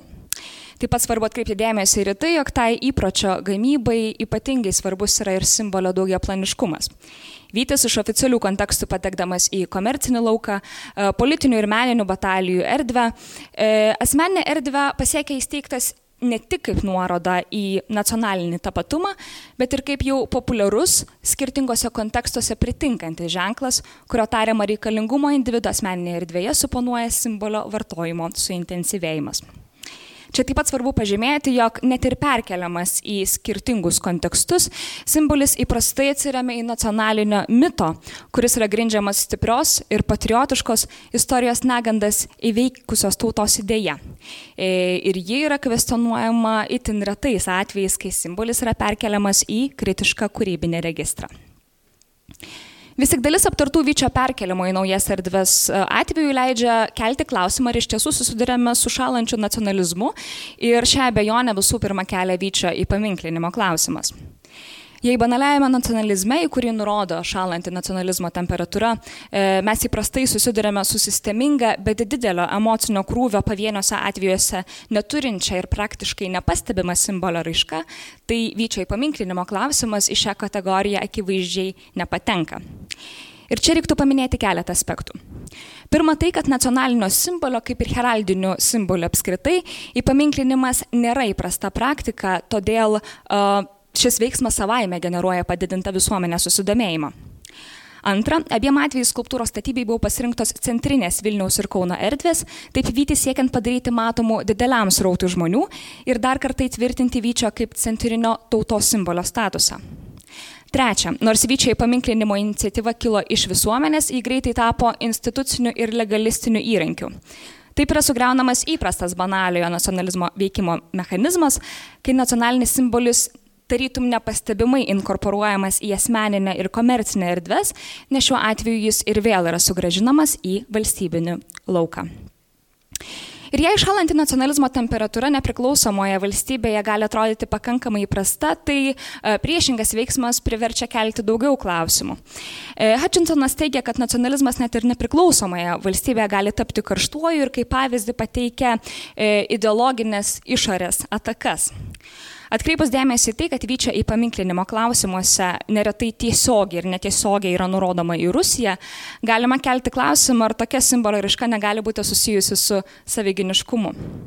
Rusija suvokiat kaip amžiną ir istorinį priešą, ypač po e, Krymo aneksijos, randasi noras stiprinti savo tapatybę, dauginant nacionalinių simbolių. Taip ir vyti yra atsigrėžiama į nacionalinį ryštingos ir istorijos negandas įveikusios tautos naratyvą. E, ir tai galima sieti su tarpukariu atpažįstama situacija, kai nacionalinė simbolika, tai aktyviai skatinant valdžiai, e, buvo aktyviai perkeliama į kasdienybės kultūrą ir tapo saviginiškų siekius teikti savo tautinę tapatybę, saugantis nuo išorės atakų ar priešiškos, priešiškos propagandos. Vis tik šio šylančio nacionalizmo apraiškos atneša ir nemenkų paradoksų. Nesaugumo jausmo diktuojamas poreikis ženklinti viešąją erdvę lemia ir jautresnį santyki ne tik su pačiu simboliu, e, bet ir su tais, kurie yra pradedami laikyti oponentais. Kai kitas yra surandamas ne tik valstybės išorėje, bet ir jos viduje, nacionalinis simbolis, kuris turėtų tapti bent jau teoriškai tautą vienijančių ženklų, gali tapti skirtingų ar net konfliktiškų tapatybių kūrimu kūrimo įrankių. Taigi apibendrinant vyčio vartojimą šiandienos Lietuvoje, galima teikti, jog joje yra tiek šylančio, tiek šalančio nacionalizmo elementų. Į skirtingas erdves perkelto nacionalinio simbolio funkcijos įvairuoja bei nurodo į simbolio vartojimo ribose pastebimą kintanti mūsų santyki su nacionalizmu paraleliai vykstantį banalėjimą, kai simbolis tampa rutiniškos ir dažnai nebereflektuojamos kasdienybės dalimi, ir karštėjimą, atliepiantį išorinės bei vidinės grėsmės jausmą, kuris yra neatsiejamas nuo įkaitusios viešosios erdvės.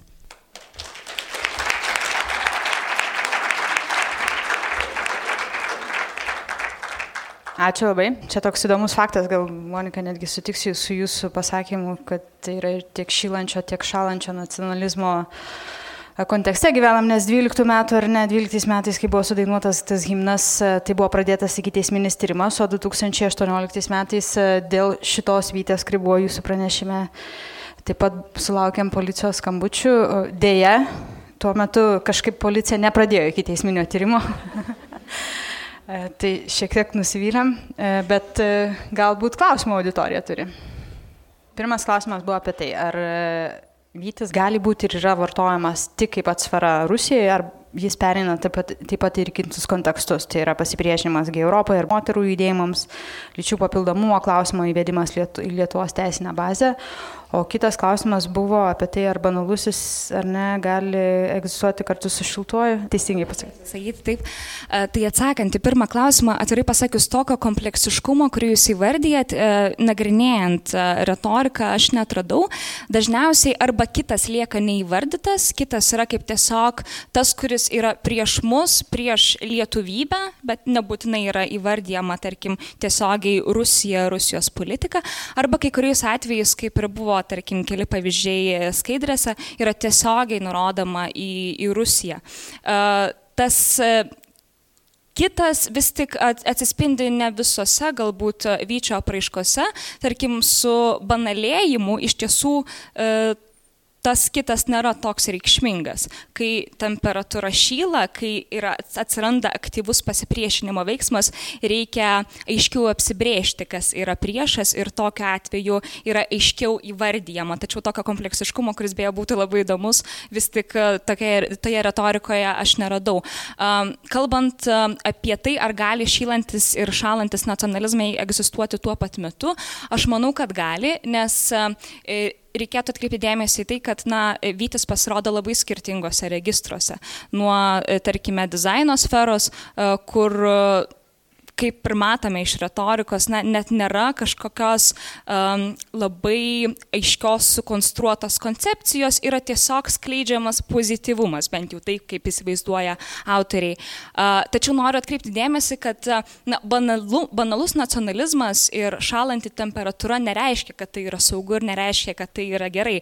Kaip teigia Biligas, apskritai, kodėl mums reikia analizuoti banalųjį nacionalizmą, e, tai yra tai, kad ne e, kvestionuojamos, nereflektuojamos banalio nacionalizmo apraiškos labai greitai gali iššaukti karštą į nacionalizmą. Ir man atrodo, kad uh, šio tyrimo kontekste tai visai ir pasimato, nes uh, nekreipdami dėmesio į tai, kad mūsų tiek kasdienėje, tiek viešoje erdvėje simbolio naudojimas intensyvėja, mes pradedame susidurti su uh, politinio aktyviu karštuoju nacionalizmu, kai jau yra apsibrėžiama, kas yra tauta ir kas į tą tautos savoką nebepatenka, kai visi tie, kurie oponuoja, yra lyg ir stumiami į paraštę. Ir tai yra pavojinga ir dėl to banalio nacionalizmo ir šalančio nacionalizmo apraiškos tikrai nėra tokios spukuotas, kaip gali pasirodyti. Tuoj pat vienos minutės komentarą, kadangi man teko dalyvauti to e, konkurso žiūri, kurį organizavo kultūros ministerija ir šiuolaikinio meno centras, norėjau galbūt Monikos dėmesį atkreipti ir kolegų į piketuotojus, kurie e, susirinko ir to žiūri posėdžio priengyje ir galbūt apskritai piketavo vienu ar kitu metu.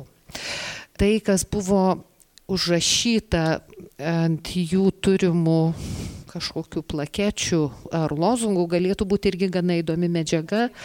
Ne tik todėl, kad mūsų žiūri darbe dalyvavo beje Lietuvos pilietybę turintis švedų kuratorius Andaišas Kriogeris, kuris buvo apšauktas užsieniečių ir beveik apstundytas, kas reikštų, kad ta kito samprata yra tiesiog bet kuris nelietuvis taip išeitų. Tai va, tai tik norėjau tokią detalę atkreipdėmės. Taip, tai klausimas įrašui. Ar Vytės ir e, to himno perdainavimas ar ne e, nėra tik tai, ką Monika teigia, kaip supratom, su vyriškinto nacionalizmo kritika, bet tai ar, tai nėra banaliojo nacionalizmo forma, bandant įtraukti moteris į nacionalinį naratyvą ir tuo pačiu į nacionalistinę na, idėją, ar ne? Interpretacija, bet aš tokia atveju vis tik e, būčiau linkus nenaudoti banaliojo nacionalizmo termino, nes, e, kaip ir minėjau, banaliajam nacionalizmui yra būdinga tai, kad tai yra praktiškai nepastebimos apraiškos, o tai, kokį rezonansą viešojo erdvėje e, sukėlė abi mano aptartos formos vyčio perkeliamo į naujus kontekstus, man atrodo, jau sunku, kai patenka į šią kategoriją. Ne, ne, ne, ne, ne, niekur mes neįsim laimą, nori ar nenori, pasižadėjimai yra.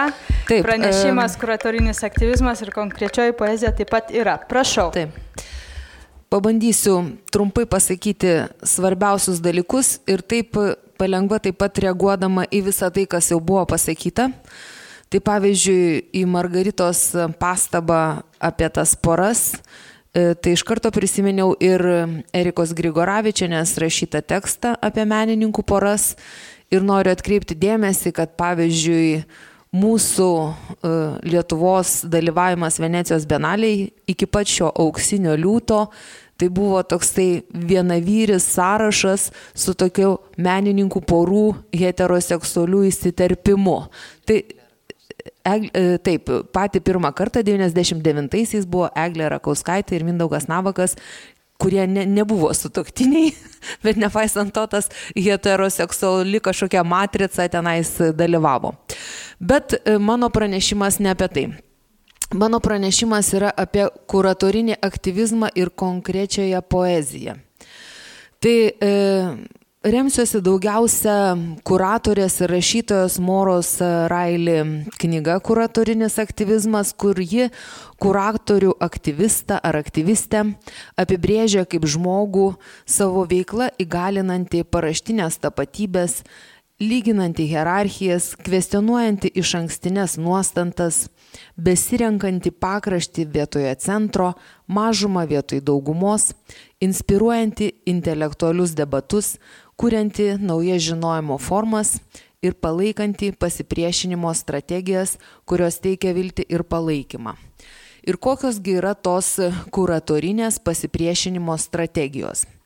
Ji išskiria tris strategijas. Tai viena revizionizmas, antra lauko studijos ir trečia santykių tyrimas arba paroda kaip polilogas, tai tas santykių tyrimas yra angliškai relational studies, tai čia galima ir įvairiai versti. Apie visas tris strategijas trumpai pakalbėsiu. Pirmiausia, norėčiau pradėti nuo to paskutinio demens, kas yra būtent polilogas arba dialogiškumas. Ir šitą kuratorinį modelį iš tikrųjų labai dažnai kultivuoja e, kuratorės. Net ir mūsų, galėčiau sakyti, tas modelis buvo kažkoks toksai kolektyvinės kūrybos, kur buvo labai daug diskusijų ir svarstymų. Ir pavyzdžiui, Roza Martinės, viena iš istorinės Venecijos benalės kuratorių, kai pagaliau Venecijos benalė buvo pakviestas kuruoti dvi moteris, Roza Martinės ir Marija Del Coral, ji taip pat pažymėjo to dialogo svarbą ir kad jis sako, kad kuratorė tai ne, ne ta, kuri primeta idėjas, o kuri įgalina menininkę žengti truputėlį toliau. Ir jos kuratorinėje praktikoje dialogas, bendradarbiavimas ir patriarchalinio kanono kvestionavimas ir yra tos svarbios feministinės kuratorinės prieigos bruožai tie svarbus. E, dabar kaip tokį dar vieną daugiabalsio feministinio kuravimo pavyzdį norėčiau pristatyti Bojanos Peič kūruotą parodą Lyties kontrolė, moteriškumas ir vir, vyriškumas rytų Europos mene.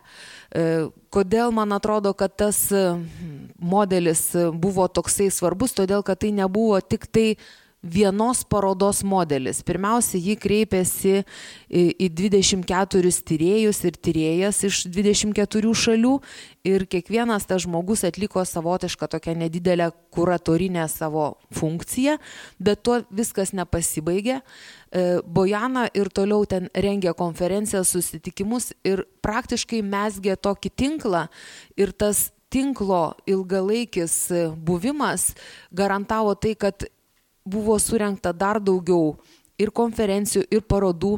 Pagaliau buvo surengta e, Katrin Kyvima organizuota konferencija Talinė, kuri galiausiai virto tokia knyga, kur Working with Feminism, Curating and Exhibitions in Eastern Europe. Ir tas tinklas sumėgstas, jisai egzistuoja iki dabar ir tos kuratorės tyrėjas iki, iki šiol tarpusavėje bendrauja ir, kaip sakant, vysto naujus projektus. E, tai manau, kad tas va toks įtinklinimas ir nesustojimas ties vienu projektu yra labai svarbus. Ir kaip dar vieną tokį įtinklintą modelį globalių mastų norėčiau pateikti dokumentos, 13 dokumentos kuratorės Karolin Kristof Bakardžiev įvestą tokį meno lauko e, institutą, meno lauko agentų. Ir jinai susidarė tokią savotiškai irgi palaikymo grupę, kai, kur nėra tik tai šiaip, aišku, benalės didelis, dideli organizmai, bet e, tie agentai jie savotiškai atliko tokį um, net ne patarėjų, o gal tokių kaip katalizatorių, išcentruotojų vaidmenį. Vienas iš tokių buvo ir Raimundas e, Malašauskas.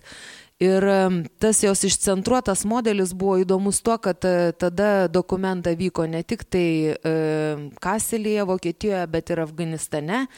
Ir vyko simpozimai Kairė, Aleksandrijoje ir, ir panašiai. Tai va tokio išcentravimo ir kartu įtinklinimo pavyzdys yra irgi, irgi geras pavyzdys. Dabar e, kalbant apie tą Kita strategija, tai kur vadinasi lauko tyrimai. Tai lauko tyrimais Mora Raili vadina tokį dalyką kaip, pavyzdžiui, vien tik tai moterų menininkių paroda. Tai šitas moterų vienų menininkių paroda jau labai dažnai kritikuoja ir sako, nu kiek galima, jūs vėl užsidarote į getą, jūs prarandate bet kokį santyki ir Lolita čia pacitavo, kur ten buvo maždaug nesėkminga, kad susirinko, gal reikėjo plačiau išsiplėsti. Tai galima visą laiką išsiplėsti, lygina, lyginti su kitomis šalimis, daryti labiau ten internacionalesnį, bet šitas e, kol kas lauko tyrimų tos parodos nepraranda aktualumo tol, kol neišnykusi šita neligybė. Ir tada reiktų priimti tokį dalyką, kad e, mes neturėtume žiūrėti į tą moterų parodą taip labai esencialistiškai arba suvokti tą esencializmą kaip strateginį pagal Gajatris Pivak tokį konceptą, kad tai yra politinę poziciją ir tu supranti, kad tai nekalbama apie moteris tik tai kaip apie biologinės būtybės, bet labiau kaip apie tam tikrą politinę poziciją. Ir vat Mora Railė pateikia tokį pavyzdį kaip moterų maršas 2017 metais, kur tie milijonai išėjo po Trumpo išrinkimo protestuoti į gatves. Tai visiškai nereiškia, kad išėjo tik tai moteris, daugybė žmonių išėjo, bet tai buvo moterų maršas ir žmonių solidarių su tomis idėjomis. Tai e, šitas vat, modelis lauko tyrimų jisai išlieka aktualus tol, kol išlieka pavergtos grupės, kaip jododžiai, moteris, homoseksualai ir panašiai. Ir galiausiai dar vienas modelis, e, tas nuo kurio savotiškai viskas prasidėjo, aš liktai kalbu atvirkščia tvarka, tai tas e, revizionistinis. Ir tas revizionistinis taip skamba lyg ir blogai, atrodo, na tai ką jau čia dabar e, jau Grizelda Polak irgi išreiškė bejonę, kad kaip atskleisti moterų ir mažumų kultūrinės veiklos svarbą kultūros diskurse, kuris tuo pačiu metu dekonstruoja dekonstruoja ir diskurso tvarką, ir lyčių hierarchiją. Kaip maždaug tą vat, revizionizmą. Revizionizmas tai reiškia, kad ieškome daugiau tų moterų menininkių, ieškome, kas buvo pražiūrėta, ieškome, vat, mes irgi stengiamės daryti, formuodama šitą kolekciją, nu, šitą ekspoziciją visos kartu, ar mes kažko nepražiūrėjome, ar vis dėlto nėra tokių menininkių, kurios neįtrauktos ir panašiai. Bet e, čia norėčiau pabrėžti tokį dalyką ir pacituoti Adrian Rich, kuri sako, kad revizija kaip revision tai žvilgsnis atgal naujomis akimis, seno teksto perskaitimas naujų kritinių žvilgsnių ir kad moteriams tai yra daugiau nei kultūros istorijos skyrius, tai yra išlikimo sąlyga. Tai čia to revizionizmo dar kol kas irgi nereikia atsisakyti, nes dar net nesusiformavusi pakankamai iš tikrųjų rimta ir solidi e, kažkokia pusiausvyra, net, ne, net nepriartėjome mes prie šito. Dabar e, ką dar norėjau pasakyti, kad e, aišku, ta kuratorystė nėra vienintelis dalykas. Tai, tai dabar padaugėjo moterų tyriejų, moterų kuratorių, moterų muziejų direktorių, bet ne vien tik tai jos tą turi galę. Galia yra ten, kur yra pinigai, ten, kur yra formuojama visuomenės nuomonė, kur vyksta visokie aukcionai ir panašiai. Ir ten, e, reiškia, situacija yra nu, dar blogesnė, ypač su tais aukcionais. Ir kadangi jau čia pas mus Natalija įvedė tokį terminą genitalinį e, nacionalizmo, tai aš pagalvojau, gal reikia toj šviesioj gaidoj pratesti ir irgi pacituoti tokį vyrą rašytoją, vyrą rašytoją, kuris štai kaip apibūdina reiškia aukcionus, kas tenais vyksta, kokia yra problema. E, aš pradžioj paskaitysiu angliškai, o paskui, jeigu reikės, išversiu. Rašytojas Morisas Salsas rašo, kad jis nesupranta tų ir dabar cituoju. What's so interesting about a handful of very, very rich people with penises buying the work of handful of artists with penises for very, very high prices in public in front of other people with penises and some very tall, thin, blonde people with great shoes and no penises. Tai um, čia taip aišku ironiškai gal kažkam lengviau, kad, kad parašė vyras, nes aišku, jeigu būtų moteris parašius, tai būtų taip pat diagnozuotos visos jai problemos e, kylančios. E, bet čia problema yra iš tikrųjų čia didelė problema ypač kalbant apie kolekcijas ir ypač privačias kolekcijas, kad e, kai formuoja privačias kolekcijas, tai labai dažnai kolekcionieriaus skonis yra nu, tas lemiamas faktorius ir tada, kaip sakoma, ką nori, tą kolekcionuoja ir jeigu tu nereflektuoji situacijos, neiškeli tam tikrų klausimų, tai dažniausiai ir turi tokias kolekcijas, kurios visai neseniai buvo rodytos ir naujojo Pietų Velso galerijoje Sidnėjoje ir kitur, kur ten būna krūva baltų vyrų ir kokios dvi, trys moteris ar ten koks vienas e, jodaodis menininkas. Tai, tai čia yra tokia daugia pakopia problema. Ir dabar kaip čia į visą šitą galėtų įsiterpti konkrečioji poezija? Ogi e, kaip tam tikras kritinis elementas. Dabar, bet mūsų, kaip, kaip reflektuoti tą neligybę meno laukia? Vat su kultūristėmis mes vis darydavome tokius sąrašus apie nacionalinės vyrų premijos ir vis skaičiuodavom, skaičiuodavom, skaičiuodavom. Tai skaičiavimas yra viena iš feministinių strategijų, kuri baltų ant juodo ar juodo ant balto parodo, kaipgi čia yra, kiek tų vyrų, kiek moterų.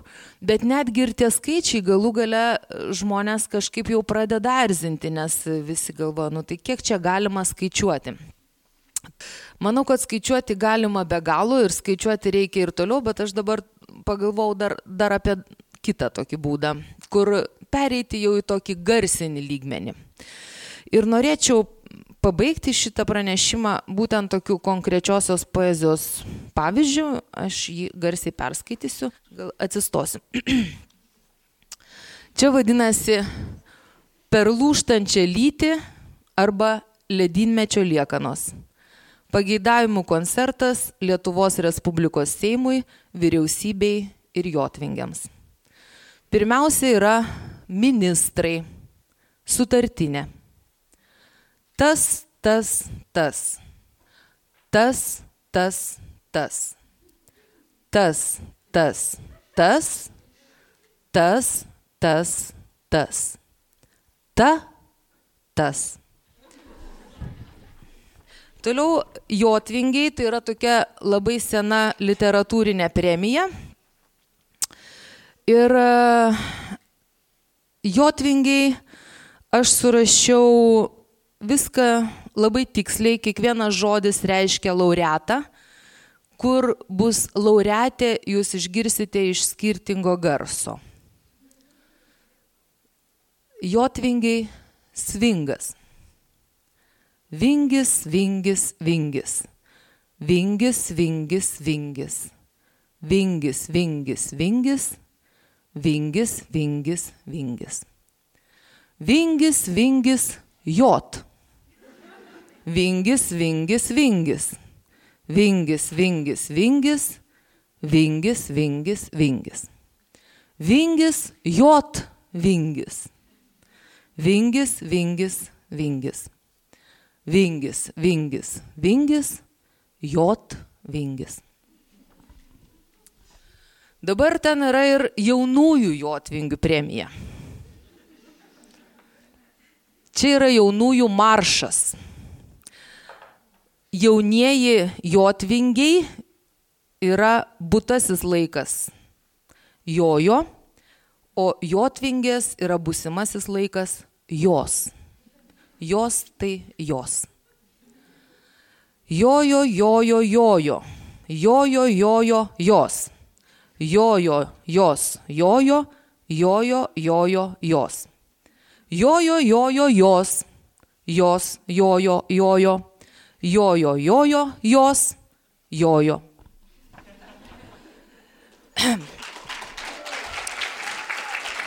Bet čia čia dar ne viskas, aš dar truputėlį užlaikysiu, nes liko pagrindinis, tai yra Seimas. Seimo kariljonas. Varpų balsai. Arba varpų, čia kaip perskaičiu. Kadangi Seimas yra rimta veikla, tai šiuo atveju irgi viskas tiksliai pagal tai, kiek yra Seimo narių, kiekvienas garsas yra atitinkamas narys, vyrai pažymėti BIM, moteris pažymėtos BAM. Bim bim bim bim bam. Bim bim bim bim bam. Bim bim bim bim bam. Bim bim bim bim bam. Bim bim bim bim bam. Bim bim bim bim bam. Bim bim bim bim bam. Bim bim bim bam bam. Bim bim bim bim bam. Bim bim bim bim bam. Bim bim bim bim bam. Bim bim bim bam bam. Bim bim bim bim bam. Bim bim bim bim bam. Bim bim bim bim bam. Bim bim bim bam bam. Bim bim bim bim bam. Bim bim bim bim bam. Bim bim bim bim bam. Bim bim bim bam bam. Bim bim bim bim bam. Bim bim bim bim bam.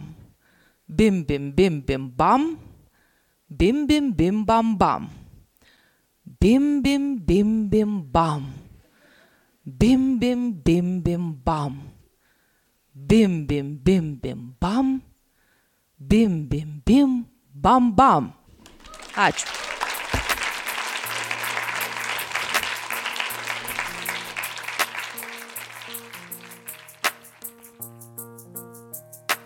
Ačiū, kad klausėte. Studijinis balsas įrašinėtas nacionalinėje Martino Mažvido bibliotekos garso įrašų studijoje. Podkasto muzikos autorius yra Martinas Gailius. Podkasto nuotraukų autorė yra Inesa Brandon Monroe, o fotoredaktorius Artūras Morozovas. Nauji Nailo podkasto epizodai pasirodo kiekvieną antradienį. Iki kitų kartų.